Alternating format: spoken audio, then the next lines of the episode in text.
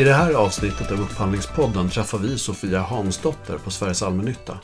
Sofia är ansvarig för kombohusen som är ett ramavtal för typhus som gäller i hela landet och som kan användas av allmännyttans medlemmar. Sofia har en bakgrund som kommersiell fastighetsutvecklare och har också en LIS i byggnadsstatistik från KTH. Vi pratar om industriellt byggande som lösningen på bostadsbristen och frågan om man måste tulla på kvaliteten för att kunna hålla nere kostnader. Är det så att ett nationellt ramavtal för bostäder skulle kunna minska mängden kommunala särkrav? Hur olika är egentligen kommunerna och var byggs det mest? Kan typhus i sig bidra till effektivitet även i andra skeden av stadsbyggnadsprocessen? Hur upphandlar man ett ramavtal för 25 000 bostäder till fast byggkostnad? Och hur mycket lägre blir en sån kostnad jämfört med att styckeproducera husen och köpa dem på den öppna marknaden? Nu kör vi! Välkommen till Upphandlingspodden Sofia Hansdotter. Berätta, vem är du och vad jobbar du med? Ja, nej men hej och eh, tack för den introduktionen. Sofia Hansdotter heter jag och jag är då expert fastighetsutveckling på Sveriges allmännytta. Vad är Sveriges allmännytta och vad gör en expert på fastighetsutveckling? Ja, och Sveriges allmännytta då, det är ju våra allmännyttiga bostadsbolag, alltså våra kommunens bostadsbolags medlems och intresseorganisation. Men idag har vi också privata eh, aktörer som äger och förvaltar hyresrätter med hos oss. Så vi har ju, vi är ju fler än bara kommunens allmännyttiga bostadsbolag med oss idag.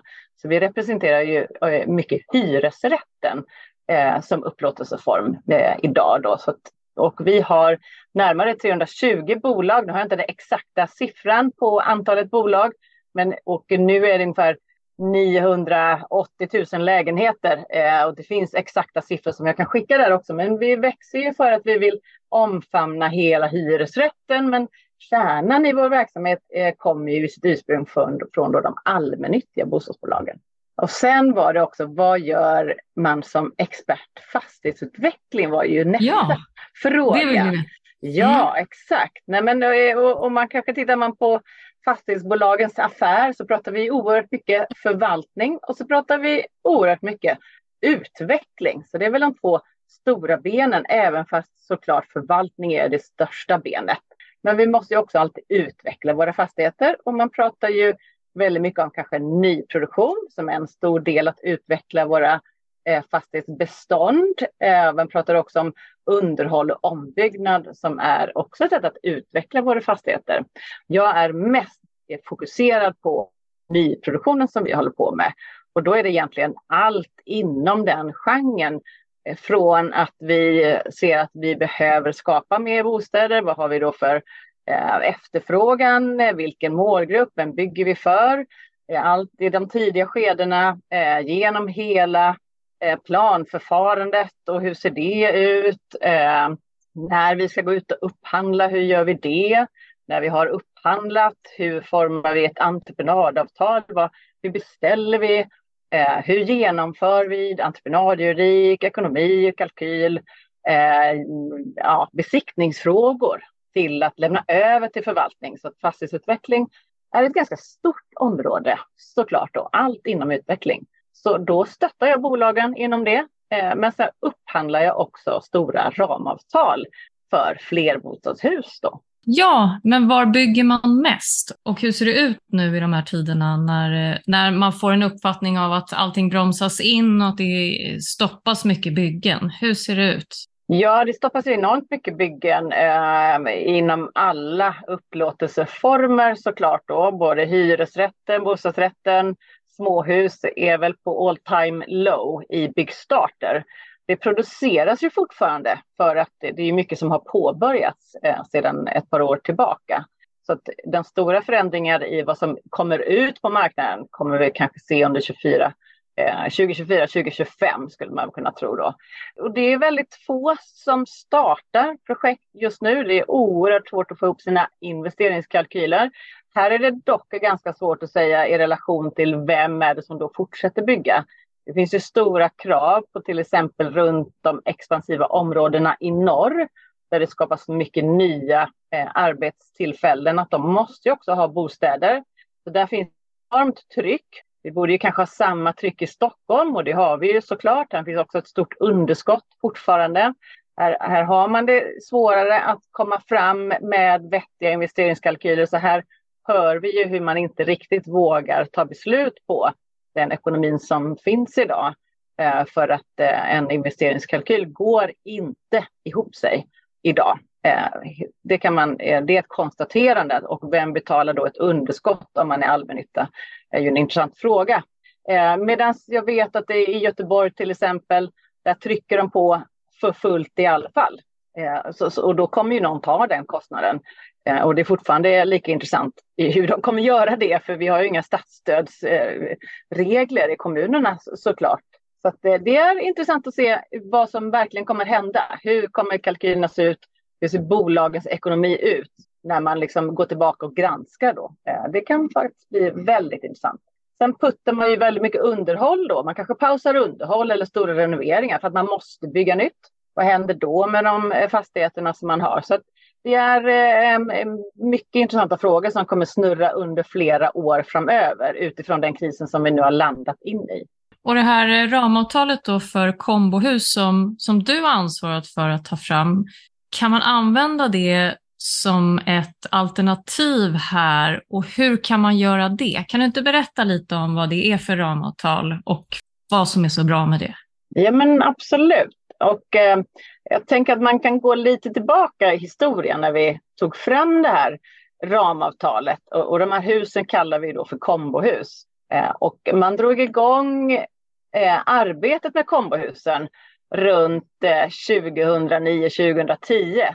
Och eh, så som det såg ut då var ju att man hade ett väldigt, man, det började uppdagas att vi hade ett väldigt, väldigt stort underskott på eh, bostäder eh, i flerbostadshus, hyresrätter vid den perioden och det hade precis varit en ganska stor ekonomisk kris i landet då 2007, 2008. Eh, då samlades väl byggherrarna här eh, under då Sveriges allmännytta som funderade på hur ska vi få igång bostadsbyggandet generellt. För det kom ett jättetryck då och av flera år av väldigt lite byggande så var det en väldigt, väldigt stor kompetensbrist runt om i alla eh, bolag.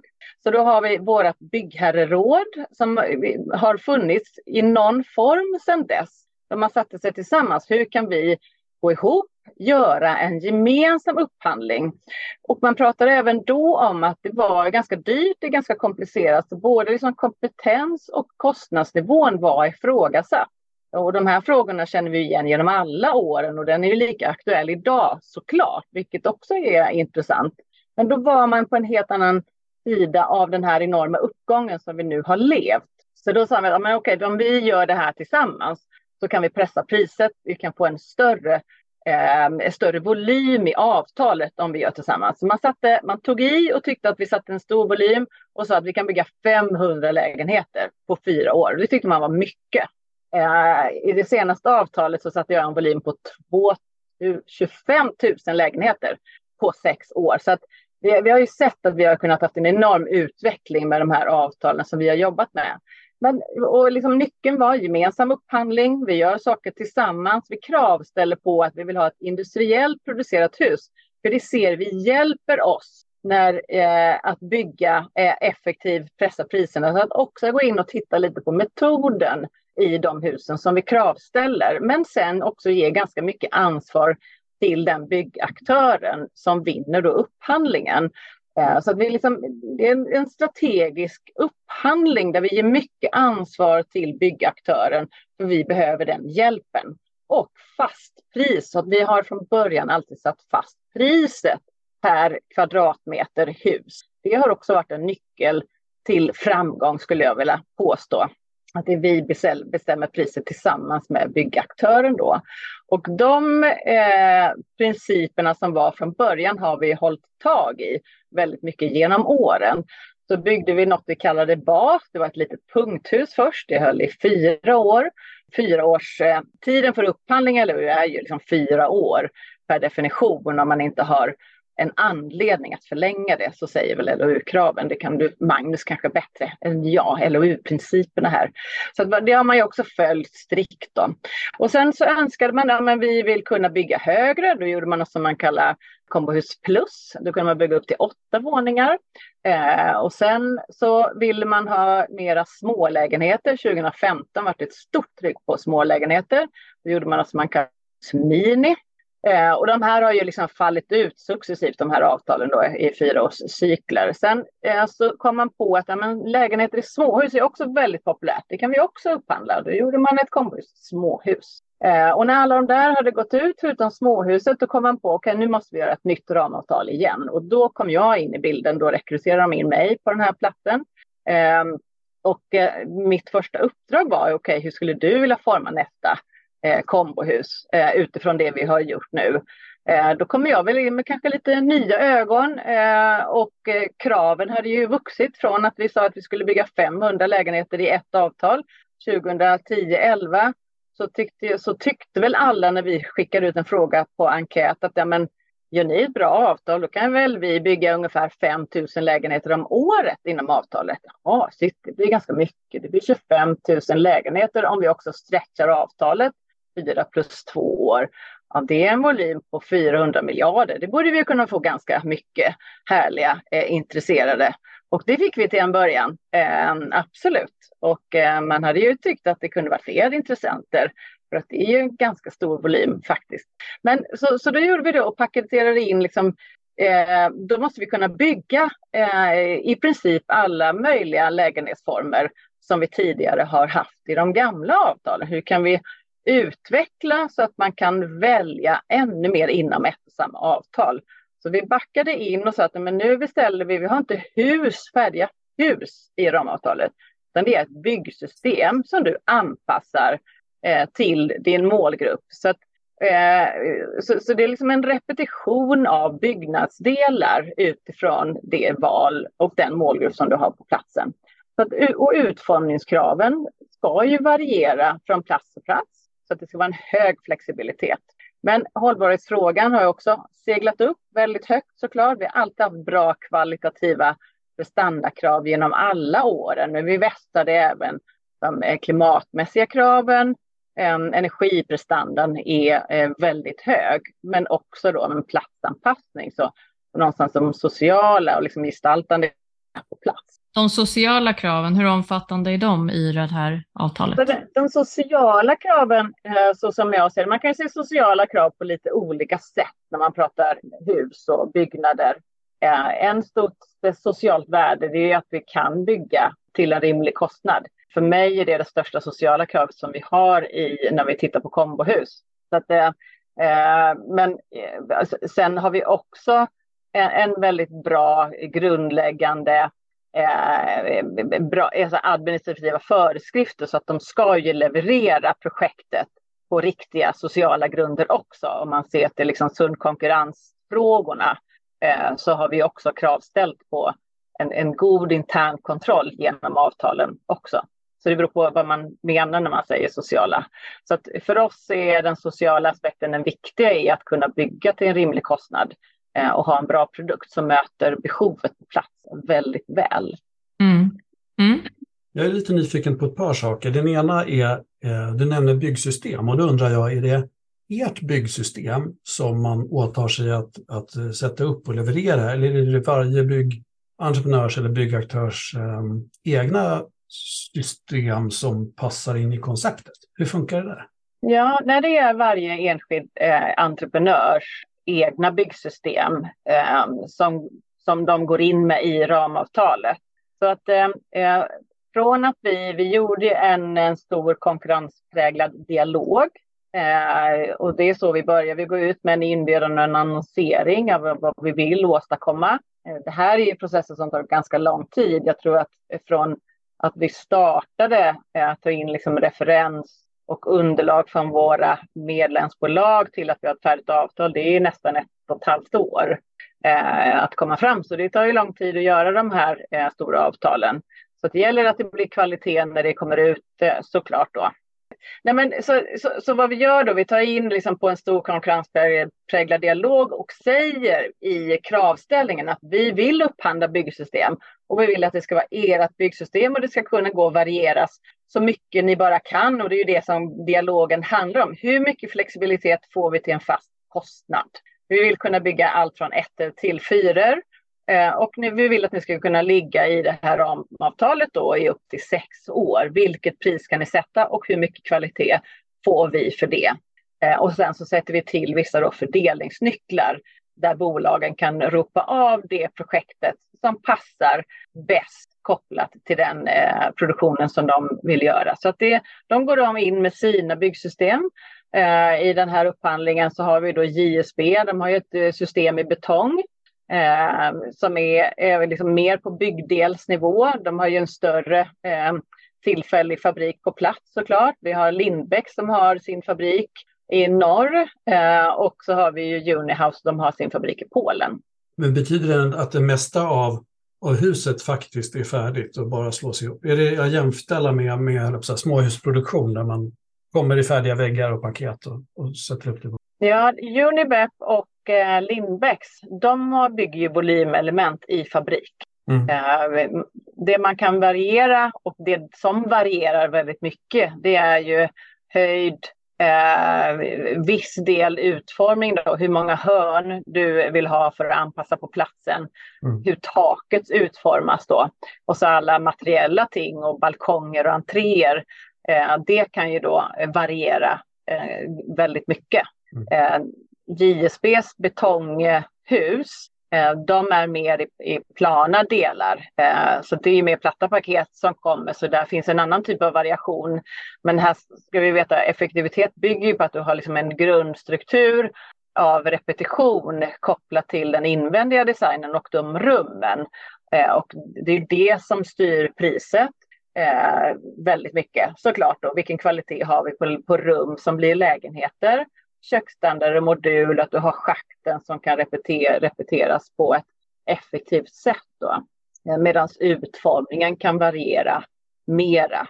Mycket av de husen och den byggda miljön vi ser runt omkring oss eh, kopplat till någon, ja, någon eh, nivå på hyreslägenheter som inte är, liksom, det är inte Helix Tower som vi pratar om utan flerbostadshus som är väldigt mycket av det vi ser runt omkring oss är ju någonstans eh, fyra väggar och där inne finns det lägenheter som är utformade som är ganska rationellt. Så väldigt mycket av det vi ser runt omkring oss kan ju byggas väldigt rationellt, bara man tillåter det på det sättet. Så, att, eh, så, så ser det ut. Att, och, och lite också med andemeningen att vi menar att byggaktören själva som känner sitt byggsystem, om de kan sätta grunden för det som behöver vara repetitivt och effektivt för en en produktion som gör att vi kan minska kostnaderna för de lägenheterna vi bygger i och att vi samtidigt då kan klä på en gestaltning som möter platsen. Då, det är då vi kommer ner i pris. Eh, så vi får ett effektivt pris och vi kan sätta en mycket bättre hyra till slut då. Eh, och här försöker vi ju mäta det då mot eh, övrigt byggande, eh, om man kallar någonting så. Så vi tar in och tittar då i upphandlingsdatabaserna och jämför vad är det för priser som allmännyttan och privata aktörer får när de går ut och gör upphandlingar. De upphandlingarna som vi kommer åt och då kommer vi åt allt som allmännyttan bygger. Man kommer inte åt allt som privata bygger, men det går ju att få tag i ganska mycket. Så då, då jämför vi, vad är det vi får in för priser i byggandet utanför kombohusen och så jämför vi dem med de eh, priserna som vi får på projekt då eh, som gör avrop på kombohusen. Och det är då vi mäter och får det här glappet som vi, Så det varierar lite mellan åren. Något år har det legat på 25 procent, något år har det legat på 17 procent. Så det blir det också en eftersläpning i inrapportering där. Så vi vill ju se att vi håller oss där eh, 20 procent bättre för att det är det vi, vi, när vi tittar på effektiva processer kopplat då till industriellt byggande, så är det ungefär det man pratar om och då vill man att det ska verkligen komma ut på prislappen. Mm. Eh, andra eh, teoretiska studier som tittar på effektivitet eh, och besparingar kopplat till industriellt byggande så är det någonstans där man säger 20-30 procent effektivare. Och att det också kommer ut i prislappen är ju väldigt intressant. Det gör det verkligen. Det är också en hållbarhetsfråga. skulle man ja, vilja Absolut. För det låter ju då som själva, själva produkten, själva huset är dels i sig då genom industriell produktion, om det finns en viss volym förstås, Ehm, är, är en, en kostnadsbesparare. Ehm, hur mycket, kan du säga hur mycket som har varit ett värde av att ni faktiskt har haft en dialog om det här och bjudit in eh, leverantörssidan i att formulera sina tänkbara lösningar på funktionsproblemen? Liksom. Var det en nyckel eller var det, hade ni kunnat ställa frågan säga, utifrån bara ett önskemål? Man har haft eh, konkurrenspräglad dialog i princip genom alla de här avtalen. Och jag tycker att, nu var jag med på senaste och tycker att det var väldigt intressant och väldigt viktigt att göra det, att verkligen förankra den, det priset som vi sen sätter. I och med att vi har sett då att det varit en framgång att vi sätter priset på beställarsidan eller på byggherresidan då. Ehm, och då vill man att den prisbilden ska vara förankrad. Och vi har ju många fler intressenter som är med i dialogen. Sen de som lämnar det faktiska anbudet. I den senaste omgången här så hade vi ju tio intressenter och alla stora byggare var med. Men det var tre som lämnade. Det, är också, det här är en konsekvens av LOU också. Det är svårt att förhandla sig. Någon gång måste man sätta ner foten och då är det det som gäller. Och sen fick vi med tre bra aktörer, absolut inom ramavtalet. Eh, Medan det är klart att vi hade också jättegärna sett att Skanska, Eides, NCC, Veidekke, de här andra stora drakarna som också är duktiga, som hade verkligen kunnat fylla sin position inom avtalet. Så vi fick mer val möjligheter sen inom ramavtalet. Men om de inte väljer att kliva in, då är det ju som det är, helt enkelt. Mm. Mm. Så där är ju LOU strikt såklart då. Eh, Medan vi valde absolut väldigt bra aktörer med som känner avtalet, som känner våra medlemmar. Eh, Medan många av de stora aktörerna som var med i den tidiga dialogen sa nej, vi kan inte möta den prisnivån kopplat till den flexibilitet som ni vill ha. Eh, och kanske är väl kanske kommentaren att de vill sätta priset själv och inte gå in på det sättet. Och det kan vara en intressant eh, dialog eh, om man också tänker på den enorma volym som vi ändå dock hade eh, i, eller har, kan man säga, i ramavtalet. Mm. För att kunna ha tagit fram de här låga priserna, har ni fått eh, offra någonting på kvalitet eller utförande som man normalt sett annars inte liksom skär ner på? Eller finns det någonting som ni har fått dra ner på? Jag skulle, det, här, det är ju inga billiga priser eh, ändå, ska man väl kanske eh, uttrycka. Vi försöker hitta en rimlig prisnivå för att bygga hus är aldrig billigt. Och vi måste ha en hög kvalitet för att detta ska förvaltas i en väldigt, väldigt lång tid. Så att vi kan inte dra ner på kvaliteter alls, eh, helt enkelt. Utan det vi kan göra det är att beställa en produkt som går att bygga mer effektivt. Så, så det är där prisskillnaden är. Eh, och det bekräftar ofta väldigt många Eh, både i och utanför ramavtalet. Jobbar man för allmännyttan så betyder det högre kvalitet och inget annat. Det är lätt att man får en förespegling om att det ska vara tvärtom. Men det är eh, en felaktig uppfattning allmännyttan måste bygga bättre mm. till en rimlig kostnad. Och det är det som är nyckelfrågan. Hur gör vi då det? Då, då måste vi säkerställa att de som väl bygger, de måste göra det effektivt. Och effektivt byggande är att hitta någon typ av industriell metod. Men samtidigt möta eh, gestaltande krav där det ska byggas. Eh, och det är den svåra ekvationen. Och mm. många är ju rädda för de gamla miljonprogrammen där man gjorde exakt i samma egentligen grundstrategier som när man hade man byggde miljonprogrammen. Men det ska vi liksom inte göra igen utan eh, vi måste kunna utforma samtidigt som vi har en effektiv byggprocess. Och det tycker man att vi borde klara eh, i år 2023 och kanske några år tillbaka också faktiskt. För mm. miljonprogrammen mm. var ju jättelänge sedan.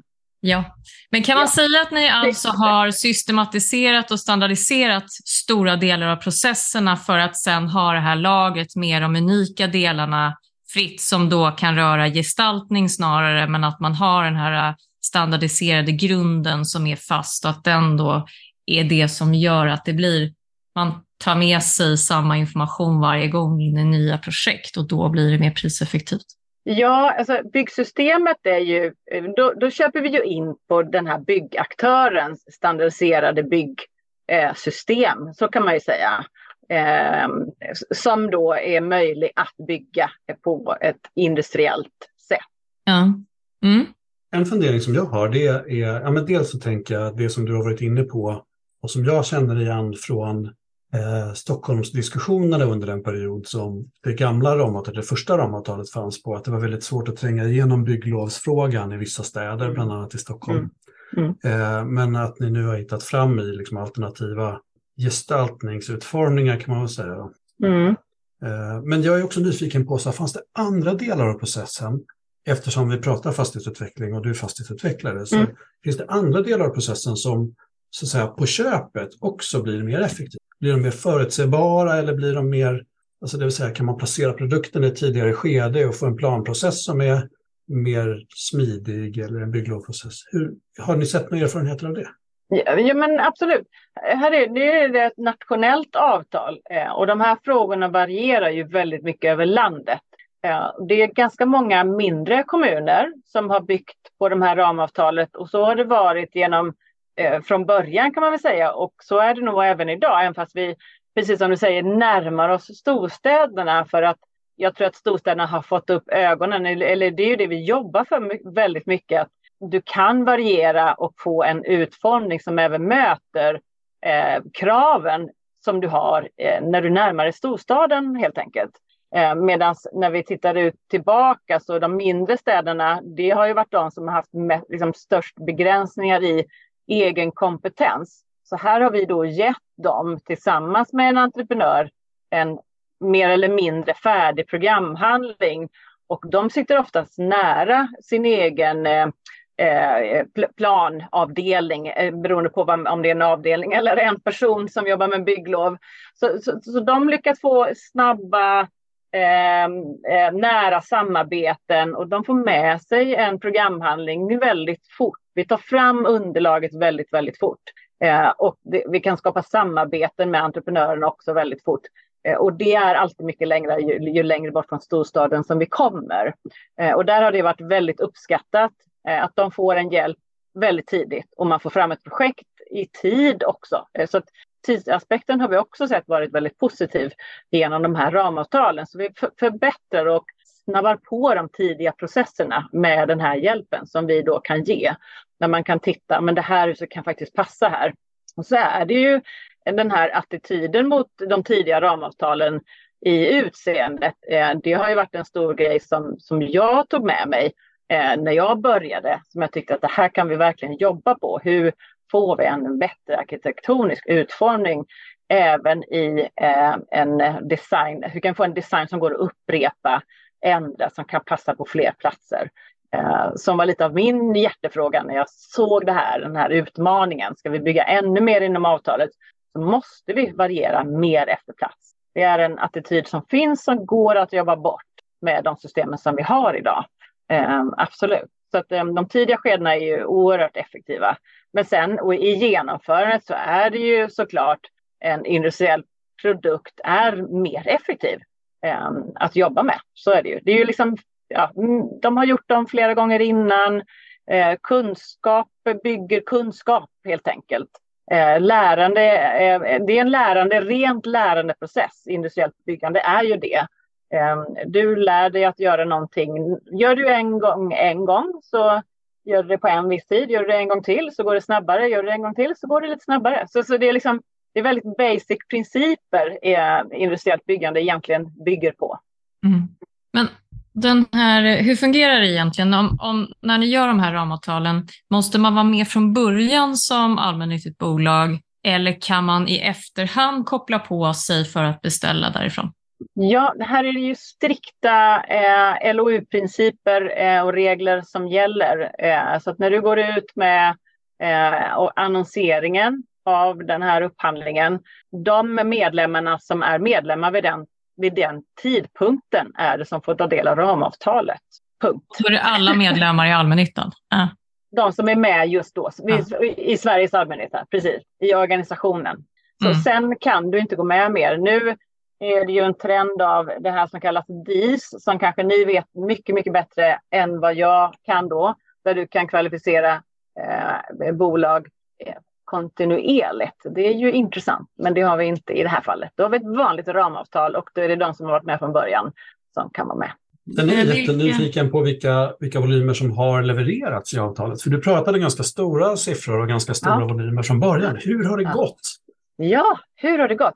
Nej, men vi har ungefär tio projekt som är eh, klara eh, och de varierar ungefär mellan 50 och 150 lägenheter. Så att, och sen så är det väl ungefär eh, kanske tusen eh, lägenheter ungefär i produktion. Eh, det har ju varit tuffa år eh, nu parallellt. Vi började starkt, men det är alltid eh, en period att dra igång eh, byggandet även inom ett ramavtal. Om man ser till att detaljplaneprocesser varierar liksom mellan 10 till 2 år kanske. Eh, ska man då få in ett nytt hus i samma period så är det knepigt att få igång. Eh, så att det, det, var lite trögstartat. Det ska det vara. Sen hände någonting som heter corona och sen kom någonting som heter krig i Europa. Så det är eh, eh, intressant. Jag gillar att eh, slänga mig med de här stora volymerna för jag tycker det är intressant i relation till vad som faktiskt kommer ut. Och då kan man diskutera liksom det glappet lite emellanåt eh, och då tillsammans med att vi faktiskt ligger på en prislapp som är en bra bit under. Så att intresset för ramavtalet hoppas vi nu kanske få lite en annan form och fart. Samtidigt så idag så 20 procent låter mycket, men om man tittar på investeringskalkylen så måste den ner väldigt mycket mer för att eh, kostnaderna för inflation är ändå väldigt mycket högre. Eh, så att det, det, måste ju ner kanske 50 procent i relation till vad nu eh, lån och sånt kostar såklart. Så det är en chans. Så att, och, och, kan vi få ut då kanske 700 lägenheter per år eh, hade ju varit oerhört eh, bra bara det. Liksom. Kan komma upp till 1000 eh, om man slår ut det på de här sista tre åren också så vore det också intressant. Men det är eh, intressanta förutsättningar på marknaden just nu som eh, lite spelar oss ett spratt såklart. Men vi jobbar väldigt hårt på det för att vi vet att det tillför bra bostäder till en lägre kostnad. Det är ju det som är det viktigaste. Man blir lite eh, intresserad här, men vilka kommuner har det byggts mest i just när det gäller kombohus? Oj, den siffran har jag faktiskt inte. Om det är någon kommun som har byggt mest. Den siffran har jag inte faktiskt. Eh, jag har ju väldigt många kommuner som har byggt eh, i huvudet högt och lågt. Men mm. vem som har den, det största projektet, det vet jag inte. Nej, det vågar jag inte ens svara på, för det vet jag inte. Det får vi återkomma till. Vilka är de, eh, de stora beställarna då på ramavtalet? Nej, men vi, vi har ju totalt eh, byggt 11 eh, 000 lägenheter inom ramavtalet från Kiruna till Bjuv. Eh, vilket betyder, och väldigt många kommuner eh, som har byggt, det är kanske ett hundratal kommuner som har byggt inom ramavtalet. Ja. Eh, och det är i hela landet. Ja. Det är liksom stora och små överallt. Stockholms stad har inget kombohus än. Varför har de inte det? Vad har de för argument? Ja. Nej, men jag vet att det är gestaltningskraven eh, som fäller dem. Eh, och att de inte har hittat en... Ja, ja, de har, så, så, Jag tror att det är gestaltningskraven som är för höga. Eh, de hittar ingen plats som, där det gör sig lämpligt. Och det är det största argumentet emot. Ja, ja nej, så, så är det kanske tyvärr. Jag ska inte jag, inget, jag kände att jag var tvungen att försvara eller förklara någonting här ur Stockholmsperspektivet, men jag kom ingen vart till det alls. Jag tycker att det är jätte, jätteintressant. Men jag vet att det också bland allmännyttan i Stockholm finns ett eget ramavtal som heter mm. Stockholmshusen, som också är ett konceptformat kan man väl säga. Har ni pratat, pratar ni någonting med varandra? Jag pratar med eh, eh, Stockholmsbolagen, absolut. Eh, och vi, vi, hade ju med eh, det, ett av deras projekt inom eh, Stockholmshusen eh, avtalet där i, eh, vår tävling om årets nyproduktion. Och de vann ju det förra året, precis 2022.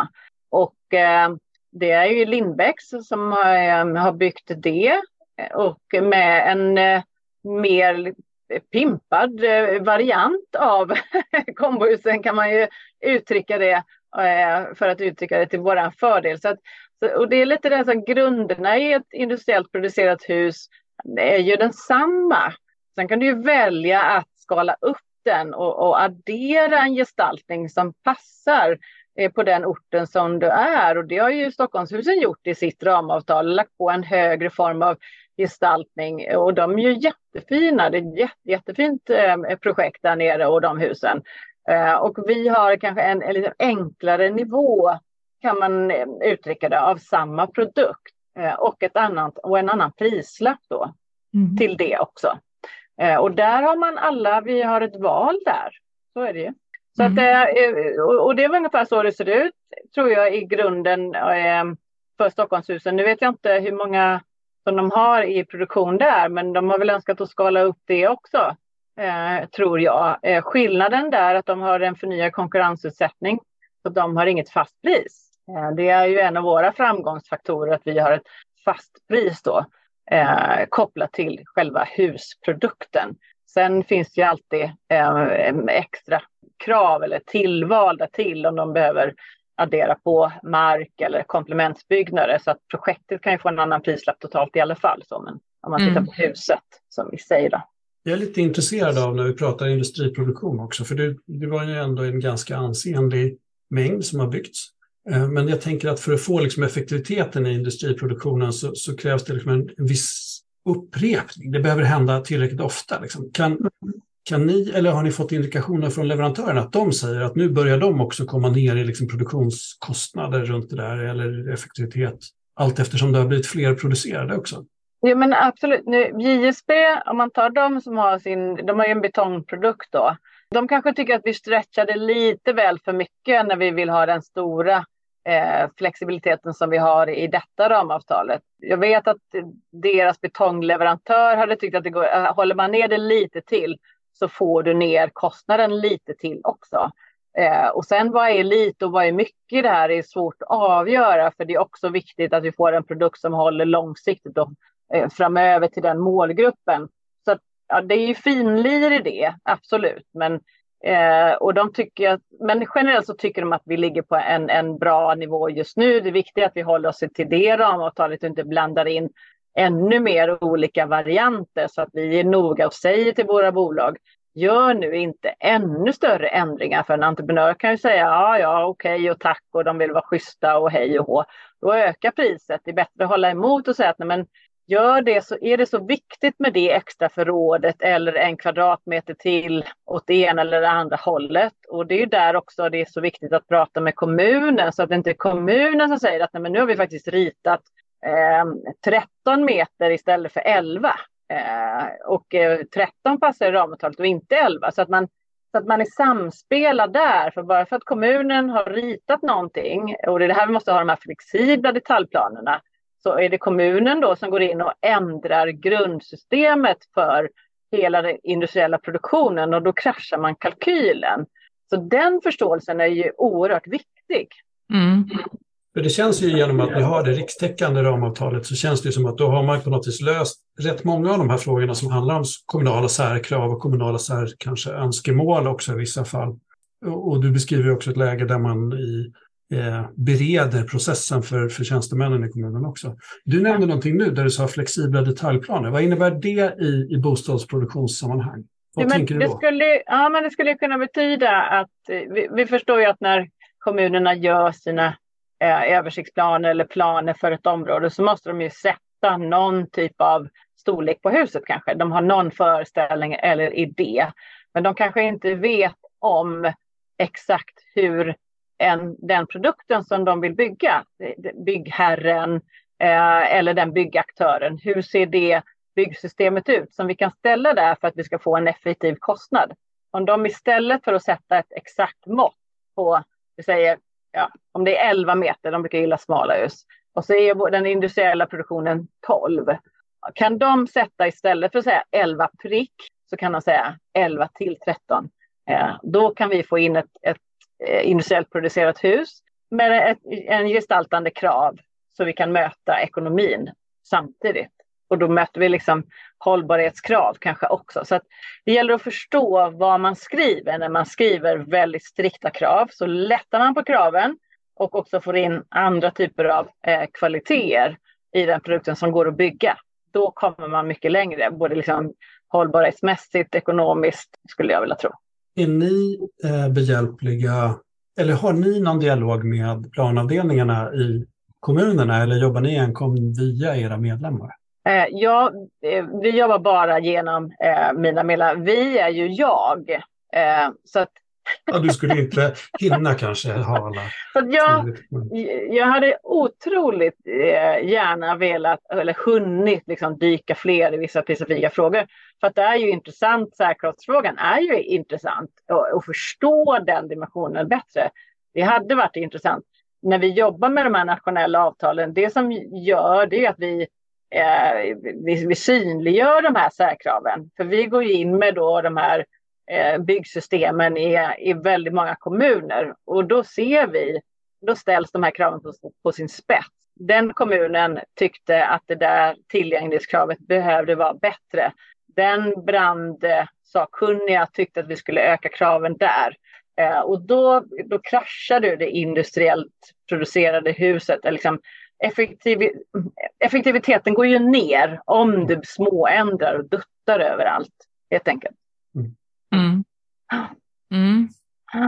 Ja, Nej, men, men eh. absolut. Att jobba mer med både bolag och många vill ju ha hjälp tidigt med även kommuner och hade jag haft möjlighet så hade jag jättegärna gjort det. Men jag hade ju önskat att jag haft tid att hjälpa även bolagen mer såklart. Så, och det är min primära målgrupp så att det blir fokuset helt enkelt. Mm. Men ni har någon speciell upphandlingsmodell som heter Flex också. Det är mycket flexer. Mm. Vad är det? Berätta. Ja, men eh, det här som vi kallar reflex då, det var så här att när man då hade gjort kombohus bas, kombohus plus och mini och de började ta slut, då sa man så här, hmm, men det är ju fortfarande eh, bolag som vill beställa samma hus, som har tyckt att det har varit bra. Eh, det finns ju några som har byggt både bas och flex. Undrar om Eskilstuna är de som har byggt mest. Det kanske är det till och med. För de har mm. byggt i princip alla hus. Har de gjort det? Ja, Eskilstuna är ett bra bolag. De har byggt väldigt mycket kombohus. Då, då sa man så här, ja, men kan vi inte hitta ett sätt så att bolagen kan ja, Eh, peka är ett enkelt ord, peka på ett hus, typ eh, Kombohus Plus, kan vi då be eh, NCC som var först på det ramavtalet eller vann väldigt mycket, att de sätter ett pris och gör en tidig dialog eh, och så gör de sin upphandling själva. Så att de pekar på Kombohus Plus. Eh, vi gör en AF-del och liksom, eh, alla föreskrifter som ska till. Vi gör en förenklad upp, ett förenklat upphandlingsprotokoll så att de liksom fyller i vad de vill ha. Skriver att de hänvisar till Kombohus Plus i Eskilstuna kanske. Eh, eller vilket de då har tittat på. Eh, och så går de ut Eh, tillsammans med en, med en utvärderingsmanual också, men ändå samma, till exempel NCC, de har gått in och tittat på priset, så de säger liksom i förbehåll att de går ut och lovar det här priset, men det är en LOU-upphandling på liksom en öppen marknad. Då kan eh, NCC med flera gå in och prissätta den. Oftast är det ju den då som kan huset som får det bästa eller som kan lägga det lägsta anbudet i alla fall. Eh, så, så, det var ett sätt att paketera liksom gamla hus som ett referenshus. Vi gjorde de administrativa föreskrifterna, alltså en förenklad upphandling. Och Flex kom då ifrån att man fick fler leverantörer på samma hus igen. Mm. Så det var liksom alltså, flexibiliteten i upphandlingsförfarandet som betyder flex.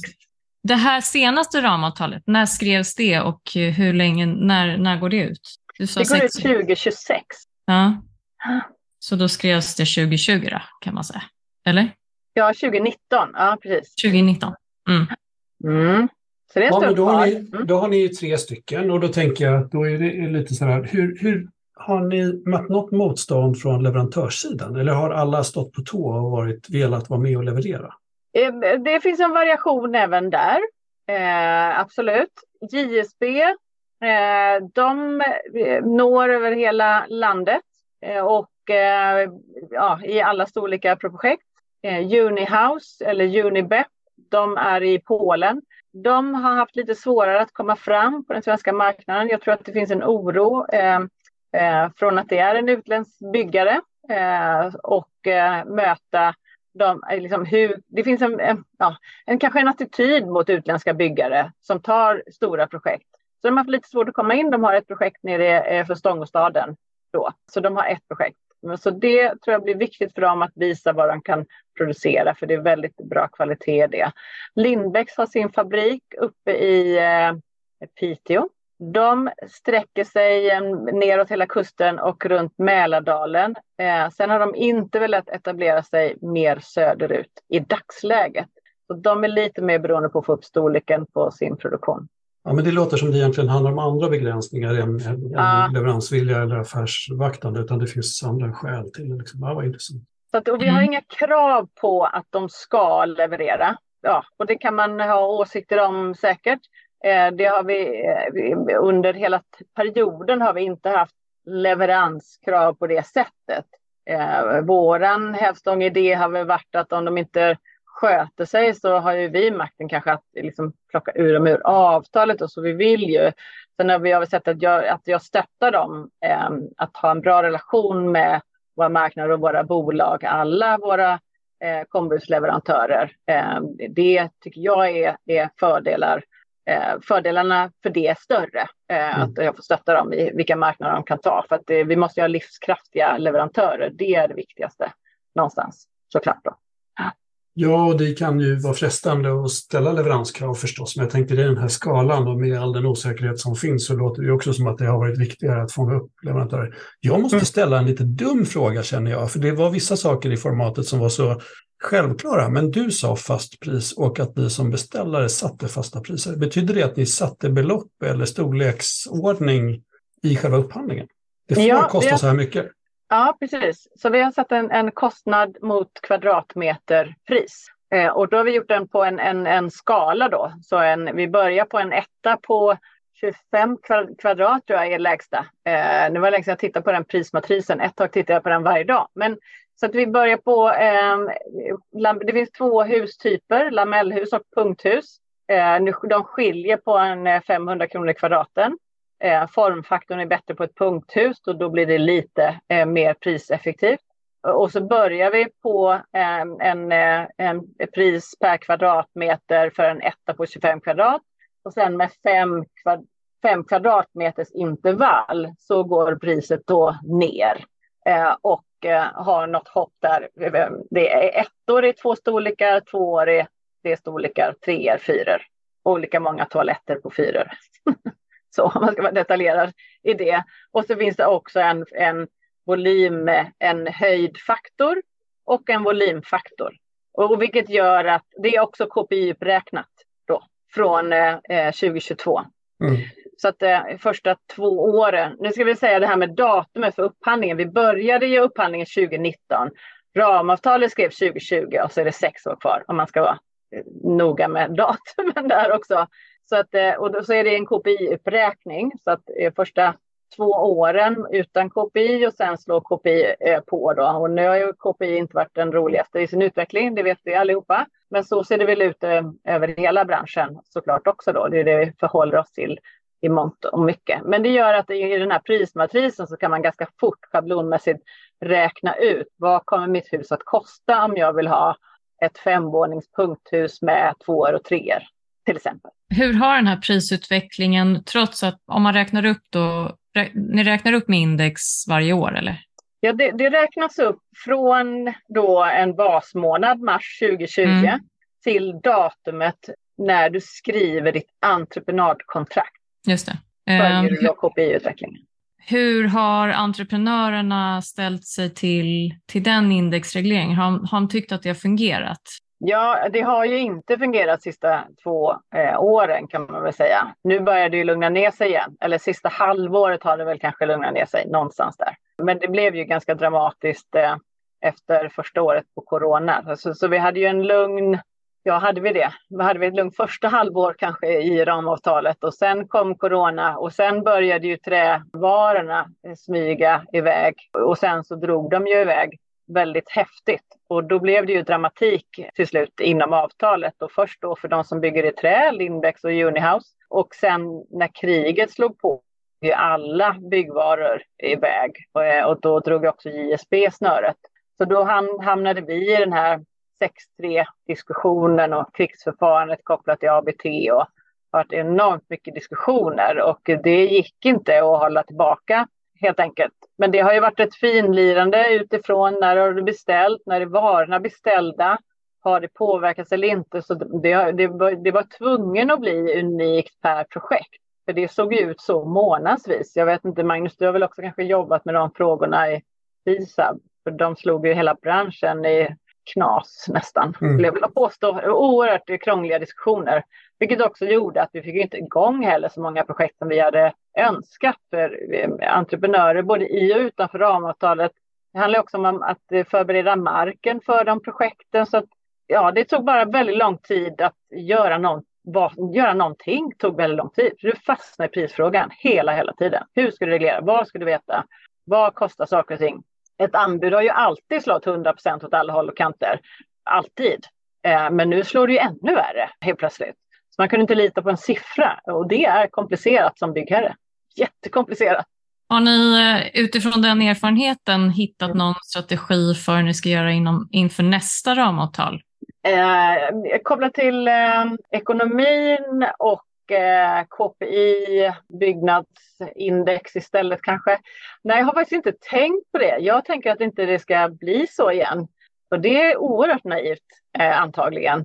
För det kommer säkert hända igen. Eh, men eh, ja, det, det tål att se såklart. Det är tre år kvar till det ska göras ett nytt stort ramavtal. Ska man göra någon förändring? Ska man sätta någon typ av eh, gräns för att förtydliga vad är onormal prisuppgång, vad är normal prisuppgång? Vågar vi sätta en procentsats för det? Kanske. Har ni vågat det, Magnus? Hur många procent är onormalt? Nej, vi har väl inte velat göra det. Eh, vi har, vi har väl haft en praktisk reglering mm. på 6.3 av mm. alla våra projekt. Mm. Men vi har ju också i byggherreföreningen, i byggherrarna har vi ju eh, lämnat ut en, eh, en, en tolkningsförslag kan man säga, en vägledning. Hur kan man förhålla sig till begäran av de här 60 regleringarna som är ganska snäv. Ja. Utifrån att byggföretagen gjorde precis tvärtom och sa att försök att reglera allt. Ja, eh, så vi har inte, inte hanterat så mycket, men vi ser att det liksom pyser i andra delar av processen. Så det kommer ätor farande som egentligen baserat på någonting annat. Eller mm. Mm. Så att man, man driver mm. frågan framåt med, med lite mm. olika verktyg. Men det är ju ett jättebesvärligt läge. Det är ju precis som du säger, så här, det här är ju ingen som hade förutsett det i den här ordningen heller. Liksom. Det som är lite läskigt just nu det är ju att, att, vi, att vi ser att det är så många, det blir så dyrt att fast, fatta investeringsbeslut och politiska beslut att mm. de glider väldigt mycket och då blir utredningarna långdragna och kostar väldigt mm. mycket pengar istället. Så det blir mindre pengar kvar i projektgenomförandelådan. Och det ja. är ju ett bekymmer. Men vi ja, behöver men göra investeringar och komma ur det här på ett bra sätt. Mm. mm. Ja, men, och det är intressant det du säger, för att jag, jag det är ofta man hamnar i att ja, vi, måste, vi måste ta bort, måste förenkla reglerna för själva bostadsprodukten. Vi måste lätta på kraven, eh, BBR-kraven, de är för stringenta. Men det, det är inte där de stora pengarna sitter. Det är en del, möjligtvis, en liten del. Men de stora planförfarandena och all tid det tar att komma fram, att göra rätt förutsättningar för en bostadsprodukt, där är det mycket större pengar. Men när nu har ni sagt 6-3 så många gånger. Vad betyder det? Ja, du ska vi hjälpas åt? I allmänna bestämmelser, AB och ABT, så finns det i kapitel 6. Jaha, ni som, pratar om 6.3 i AB och ABT. Då förstår reglerar, jag. Ja. Som reglerar eh, onormala prisökningar. Precis, jo men det är jag medveten om. Ja. Men när man bara slänger sig med 6-3, då var, vad menar Jag har gjort det i flera år nu. Här, så att... ja. Mm. ja. Bra, men då vet jag att ni refererar till AB och. Ja. Men vi har kommit en bra bit på vägen tycker jag. Jag tycker att det är jättespännande och jättekul att höra. Vi har haft lite kontakt med Adda, med deras, nu jobbar jag med skolor och förskolor och deras koncept för skolor har, har, ni haft någon, har ni haft några diskussioner tvärs emellan och utbyte av erfarenheter när ni jobbar med konceptbyggnader? Nej, jag har faktiskt inte. Jag tittade, när jag drog igång då här, då tittade jag eh, både på eh, SKRs eh, bostadsprodukter också. Jag tittar inte så mycket på hur de här skolorna har varit utformade. Jag vet att i, i dialogen så har de där kommit upp. Nu vet jag inte i huvudet vem som är kontrakterade på de där. Det finns ju olika typer. Jag vet inte om både JSB och Skanska är in på det där och vad som då har varit framgångsrikt och inte. Och jag tror att det, det har förekommit en dialog där att en avancerad produkt, eh, hur fin den är än må vara och långsiktigt gångbar, så är den produkten som funkar och den de ropar av är den billigaste produkten eh, om man ska eh, raljera lite kanske. Men jag vet inte om det här det blir ett väldigt förenklat resonemang. Så, så att, eh, men eh, det är viktigt liksom att det ligger någonting i liksom beställarens möjlighet att beställa det som passar för målgrupp. Det tycker jag är det viktigaste som jag vill bidra med in i våra ramavtal. Och Stockholmshusen har också varit duktiga på det såklart. Eh, vi måste hitta ramavtal som verkligen möter de som ska bo där. Eh, det tycker jag är otroligt eh, viktigt att kunna bidra med det. Och det tycker jag är ett stort ansvar. Vi ska hitta en gångbar produkt som också möter de boendes behov, både utifrån plånbok men också utifrån utformning och, och möjlighet att skapa liksom en bra miljö och klimat och bo klimatsmart och alla de värdena. Det tycker jag är viktigt. Och det är det svåra också att få med. Eh, och då måste också kommunerna vara modiga och se vad kan de tillföra i den dialogen för att verkligen få den produkten.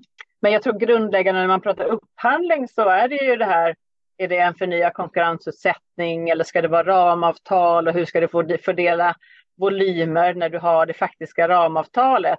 Men vad vi också tittar på när man går ut och annonserar med sånt här stort ramavtal så att du gör tilldelningskriterier så att det stimulerar den produkten som du vill ha. Och det pratade vi också väldigt, väldigt mycket om. Eh, och det är återigen för att kunna bygga en bra produkt i slutändan till den som verkligen ska bo där. Att man premierar höga, liksom bra bostadskvaliteter, bra energiprestanda och utseende även genom de liksom, nycklarna för tilldelning man kan vara. För det kan vara ett sätt att få entreprenörer att tävla om att göra så bra som möjligt för att sen få en stor volym.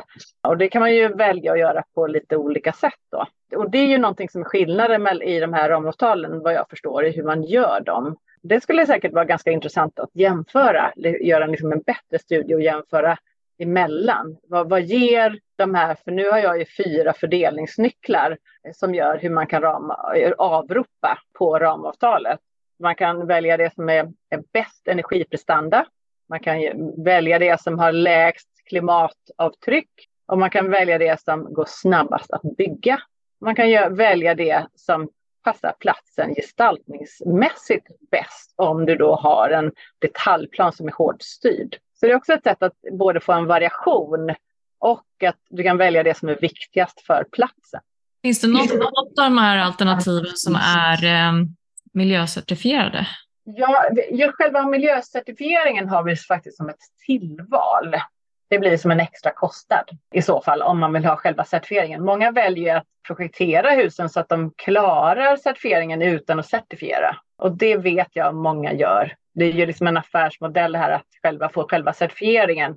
Och jag vet att många av våra bolag ser inte värdet i själva liksom stämpeln. Men det kan ju förändras om man ser att det kan vara ett verktyg för att hjälpa bolagen att få en bra produkt eh, såklart också. Så det, är en högre kvalitetsstämpel, men det, det, förändrar ju inte grunden. Du får lägga till lite mer pengar eh, då, helt enkelt. Mm. Finns det någon koppling till eh, Co-Class och den här digitaliseringen av byggnadskomponenter på något vis? Oj, nu är det ju om i så fall då de här byggsystemen eh, använder sig av den strukturen. Jag har inte eh, kravställt på det alls här egentligen. Eh, det har jag inte gjort. Mm. Kanske blir nästa grej här. Ja. ja. Har ni börjat förbereda för nästa upphandling? Nej, inte, inte nästa så här stora flerbostadshus. Det är klart att jag måste alltid lyssna av marknaden. Eh, vad händer? Och vi, speciellt, vi står ju i en ganska tung bostadskris utifrån byggande just nu. Så jag måste utvärdera, håller ramavtalet? Kan vi bygga på det härifrån och framåt? Så att det pågår ju alltid. Och eh, eh är det någonting som vi borde liksom förändra om det inte skulle hålla? För att förändringen på liksom de här tre åren har varit enorm. Så det gäller att de kan hålla sig till ramavtalet och fortsätta bygga då. Så det måste man bejaka. Och sen så tar det tid att dra igång ett nytt stort ramavtal.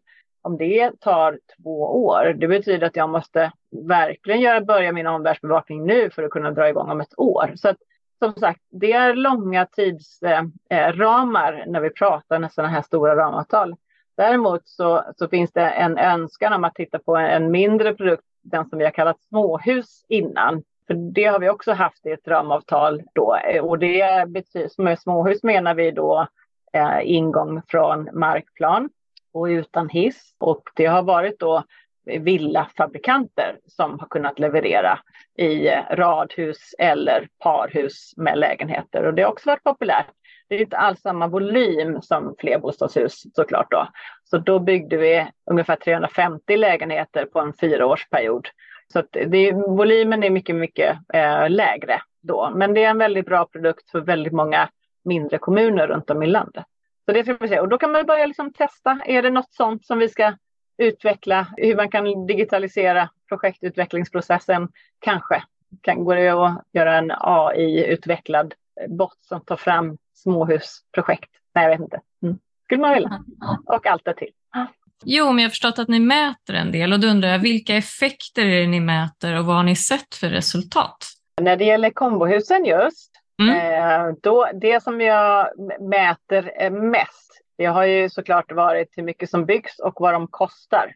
Mm. Sen gjorde vi ju då 2019 måste det ha varit, en lite större analys av kombohus då tio år tillbaka ungefär och också då gjorde lite mer djupintervjuer eh, och eh, ville veta vad är det för andra typer av värden som vi har tillfört då och eh, vad är det för hinder och möjligheter som det kan ges härifrån och framåt. Och de svaren som vi fick då var ju att de uttryckte att vi har verkligen kunnat använda ramavtalet för kombusen att bygga där vi inte har haft möjlighet innan.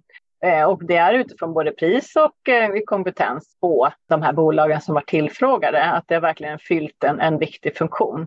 Så, så då gjorde vi två, två analyser. Eh, Kombohus 10 år heter båda de två. De går att hitta på vår, vår webbplats där vi försöker mäta dem. Men annars så det vi följer kontinuerligt det är ju hur mycket som byggs och vad det kostar.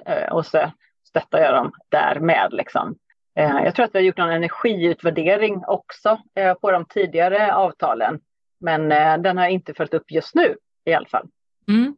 Jag undrar, vi hastade lite förbi det när vi satte igång. För du sa att du kom in inför den här upphandlingen. Jag är jättenyfiken på din bakgrund. Var, var ja. kom du ifrån innan du började på Sveriges Allmännytta?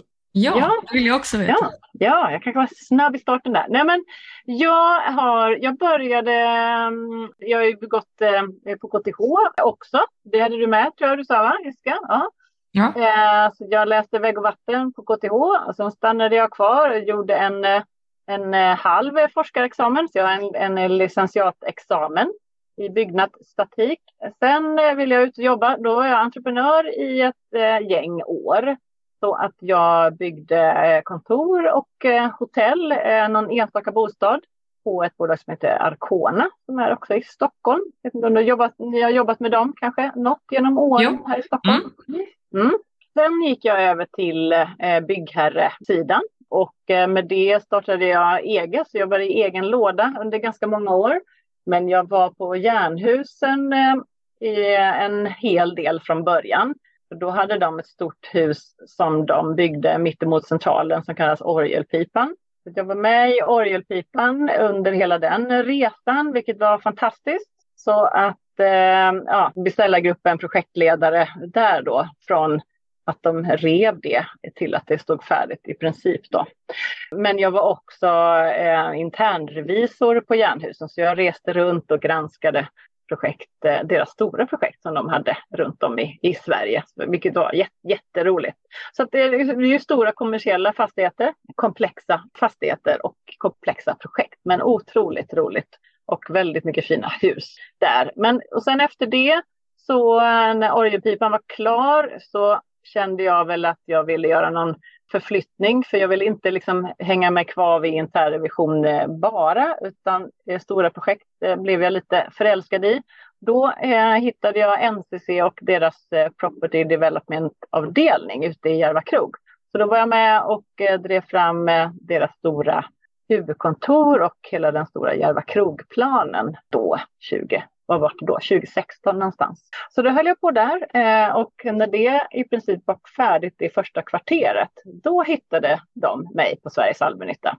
Så att, eh, och då hamnade jag in i, i bostadssektorn och eh, jag tror i princip jag knappt visste vilka Sveriges allmännytta var när Jonas ringde mig. Så att, men, och med det sagt så har jag liksom byggt mycket både som entreprenör och eh, eh byggherrebeställare stora kommersiella projekt. Jag har jobbat jättemycket med fastighetsutvecklingsprojekt, eh, väldigt mycket kontorsutveckling. Jag tycker det är väldigt roligt med arbetsmiljökontor. Så att, eh, när vi flyttade kontoret här från Drottninggatan till Hornsgatan så fick jag med att driva det också. Så det tycker jag är väldigt roligt. Ja, så det är väl det. Ja, jag tycker om miljöer, stora komplexa projekt. Samhällsbyggnad är fantastiskt. Det drivs väldigt mycket liksom av utveckling. Det är otroligt eh, roligt. Men så, generalist och verkligen brinner för ett bättre samhällsbyggande. Eh, absolut. skulle, du säga, skulle du säga att det här ramavtalet passar alla typer av bostäder eller är det någon gång som man kanske inte ska köpa på det här ramavtalet? Nej, men eh, jag tycker att det viktigaste är att, varje bolag eh, verkligen ser över vad man har för eh, efterfrågan där man är eh, såklart. Jag tror att vi täcker en väldigt stor del inom ramavtalet. Det tror jag verkligen. Och jag tror, eh, jag tror att vi har ett arbete att nå ut med variationen på det vi kan bygga. Så nu när vi börjar få fler färdiga produkter, att vi verkligen visar de fina husen som vi kan göra med det här ramavtalet. Det tror jag är väldigt viktigt, att fler kan få upp ögonen för det. Men sen så måste vi bygga varierat över hela landet och det tycker jag är lika viktigt. Så att jag kommer nog aldrig vara den som säger att det ska vara heltäckande kombohus överallt, utan man ska ta de godisbitarna som man behöver, för det tillför en väldigt viktig och eh, ja, tillför verkligen till bostadsmarknaden idag att kunna bygga till en rimligare kostnad. Som sagt, vi får mycket kvalitet för pengarna och det tycker jag man ska ta med sig. Men sen så måste man titta på sin, på, på, sin portfölj. Vad ska man bygga? Hur ska man bygga? Det är fortfarande det som är viktigast, för det, det ska vara långsiktigt. Men jag tror att vi har en mycket att göra att nå ut mer och speciellt som sagt, vi har en ganska tuff situation på byggmarknaden idag. Så att börja ta bort de hinder som finns för att kunna bygga mer av den här typen av produkter. Sen så kan det också inspireras till att göra egna typer av ramavtalsupphandlingar eller inspirera till att beställa industri en industriell byggd produkt själv. Och eh, i dagens läge, för att det är eh, klurigt, att vi är på en topp av en prisnivå kanske, Eh, och då kanske det är bättre att gå ut och inspireras av husen men göra en egen upphandling. För här vet vi ju inte om de kommer få bättre priser om de går ut och, och eh, trycker priset på den öppna marknaden. För att här vet vi att det är flera entreprenörer som står att inte ha så mycket att göra. Så då kanske det är bättre att inspireras men gå ut och göra en egen upphandling. Och då vill jag vara den första som, som säger att ja, men ju självklart gör det. Så att vi ska ju använda hela kombohusupphandlingen och alla de hus vi har byggt till att bygga bättre framöver. Och att det är inte att, vi, att de tar ur min eh, kombohus ramavtal och den katalogen, utan att hur än vi kan inspirera att bygga en bättre produkt, då känner jag mig som att då är alla vinnare och jag med. Så det tycker jag är det viktigaste. Så lärandet från kombohusavtalen tycker jag är viktigare än att de köper just mitt ramavtal. Snyggt. Men sen det, det som är intressant i dagens läge, jag tycker man skulle kunna liksom fundera på det här med kompetens. När vi tappar väldigt mycket, om vi nu tappar kompetens, om bostadsbyggandet går ner, arkitekterna, de säger upp mycket. Hur mycket kommer vi tappa på byggsidan? Och efter år av en ganska hetsig byggmarknad, vi har också byggt ganska slarvigt under många år, jag tycker den är också relevant att lyfta den frågan om man vill liksom lyfta en fråga till. Um, hur kan vi liksom kombinera det vi har lärt oss? Vad ska vi inte göra och vad ska vi göra mer av? Och vi behöver få in mer arkitekter när vi bygger industriellt en industriell bostadsprodukt. Hur får vi med oss kompetenserna? Hur tapp, så vi säkerställer att bostadsbolagen nu inte tappar den kompetensen som man har rekryterat in på bolagen under då en tioårsperiod. Hur gör man det? För vi vet att det finns fortfarande ett ganska stort underskott av bostäder. Och det är ju väldigt konstaterat. Så här, är liksom en balansgång till marknaden i hur gör vi det här verkligen rätt? Mm. Eh, för att inte tappa flera unga, de som behövs för en ny arbetsmarknad och så vidare framöver. Så det, och det är ganska viktiga, stora frågeställningar. Mm. Ja, förhoppningsvis så kan vi använda någon slags nedgång eller normalisering eller hickar i konjunkturen till att reflektera och samla krafterna och samla mm. kompetenserna också. Mm. vi har ju sett att, att precis som, som du säger, att i de nedgångar som har varit så har vi haft en rätt häftig kompetensflykt från marknaden. Mm. Uh, jag började plugga på KTH 93 och efter ett år så, så hade en tredjedel hoppat av liksom, för att ja. det var ingen framtidsbransch. Det fanns Nej. ingenting där att hämta. Liksom. Mm. Så, att, uh, så vi är många som på något vis måste kunna bygga upp det här igen och mm. kanske också lära oss att bygga igen om det är så att det har varit så slarvigt och så illa mm. med så väldigt många i, i produktionen som inte har, har, har kunnat, vad ska säga, det har varit tufft att samarbeta i, i många projekt. Kloka saker. Skulle du kunna ge några tips till en upphandlare eller en avropare? Till själva ramavtalet specifikt, va? menar du? Ja, ja kanske, eller om du har tips till upphandlare generellt. Du, kom, du sa men... ju det här med att göra egna ja. och sånt där. Jag tyckte det var jättebra. Men har du något ytterligare som mm. du har funderat på?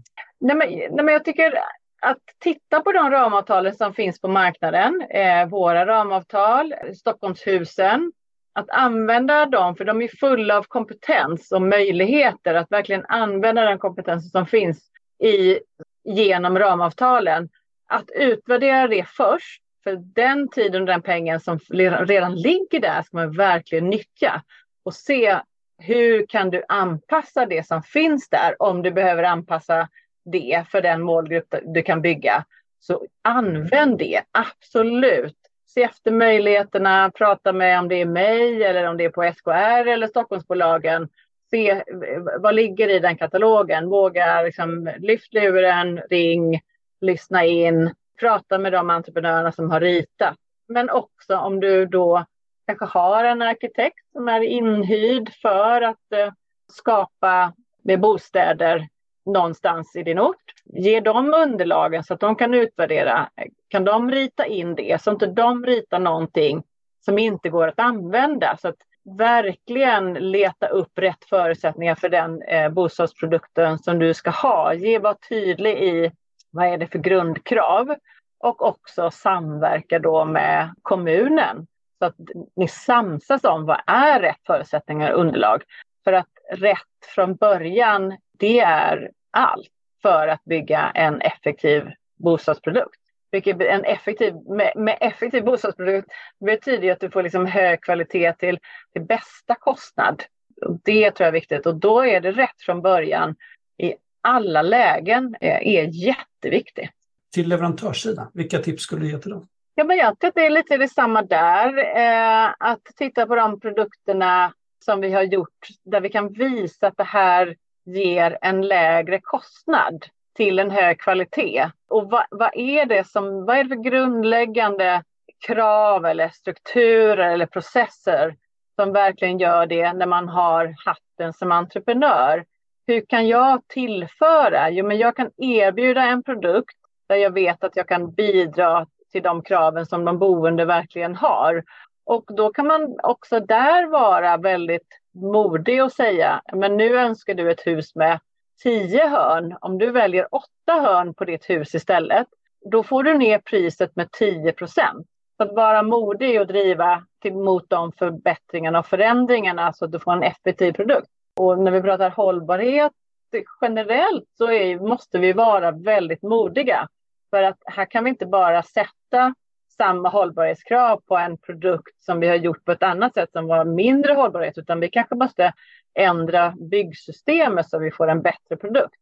Och aktören måste liksom möta, och här måste ju kraven mötas väldigt eh, mycket. Men vad säger kommunen och vad säger beställaren och byggherren och vad säger entreprenören? Och här finns en massa målkonflikter. Löser vi dem i ett tidigt skede, ja, då får vi en bra effektiv, effektiv produkt. Och så ska vi hålla oss till det också. Så rätt från början och sen hålla sig till det. och eh, verkligen eh, försöka att eh, sätta på sig rätt glasögon, lyssna, lära från alla de parterna. Det är eh, väldigt viktigt. När vi gjorde de här utvärderingarna av kombohusen då för, eh, för tre år sedan, då försökte vi också analysera eh, vad, vad kostar oss LOU utifrån den krångligheten som finns i relation till privata aktörer. För nu ska vi verka på samma marknad. Men vi har ju då ett regelverk till att förhålla oss till. Och här mm. ser vi ju liksom mellan 7 och 10 procent dyrare blir det ju när vi då upphandlar med LOU som regelverk. Och det här är ju säkert nyanseringar i det där. Vad är det som gör det? Är det att det försvårar? Det är liksom förhandlingsproceduren som är eh, begränsad kan man säga. Och spiller då över väldigt mycket kostnader för det? Får vi igen det någon annanstans? Det är ju alltid det som är intressant att frågasätta då. Medan LOU är väl utifrån ett liksom, europeiskt fredsavtal någonstans, någon gång kanske i grunden, eh, som borde främja konkurrensen. Men det uppfattas ju mer tvärtom, eh, om liksom då förhandlingsstrukturerna gör att det blir dyrare. Så det är en intressant fråga. Mm. Till nästa podd. Ja. Stort tack Sofia för att du ville vara med idag och berätta om kombohusramavtalen och berätta om Sveriges allmännytta och eh, fastighetsutveckling. Mm, Stort ja, men, tack! Tack detsamma, jätteintressant. Som sagt, jag kan prata om kombohusen i sömnen och det är väldigt eh, kul att prata om kombohusen för jag vet och ser hur det ger tillbaka till våra medlemsbolag såklart i form av flera bostäder till, ett, eh, till en rimlig kostnad och till en bra hyra. Vi Tack. behöver fler bostäder. Tack för att du lyssnat. Finns det saker du skulle vilja höra mer om eller någon du kanske tycker att vi ska intervjua så hör av dig till oss på lyssna.upphandlingspodden.se Ett särskilt varmt tack till Erik Stridell på Bybrick som komponerat Upphandlingspoddens jingel.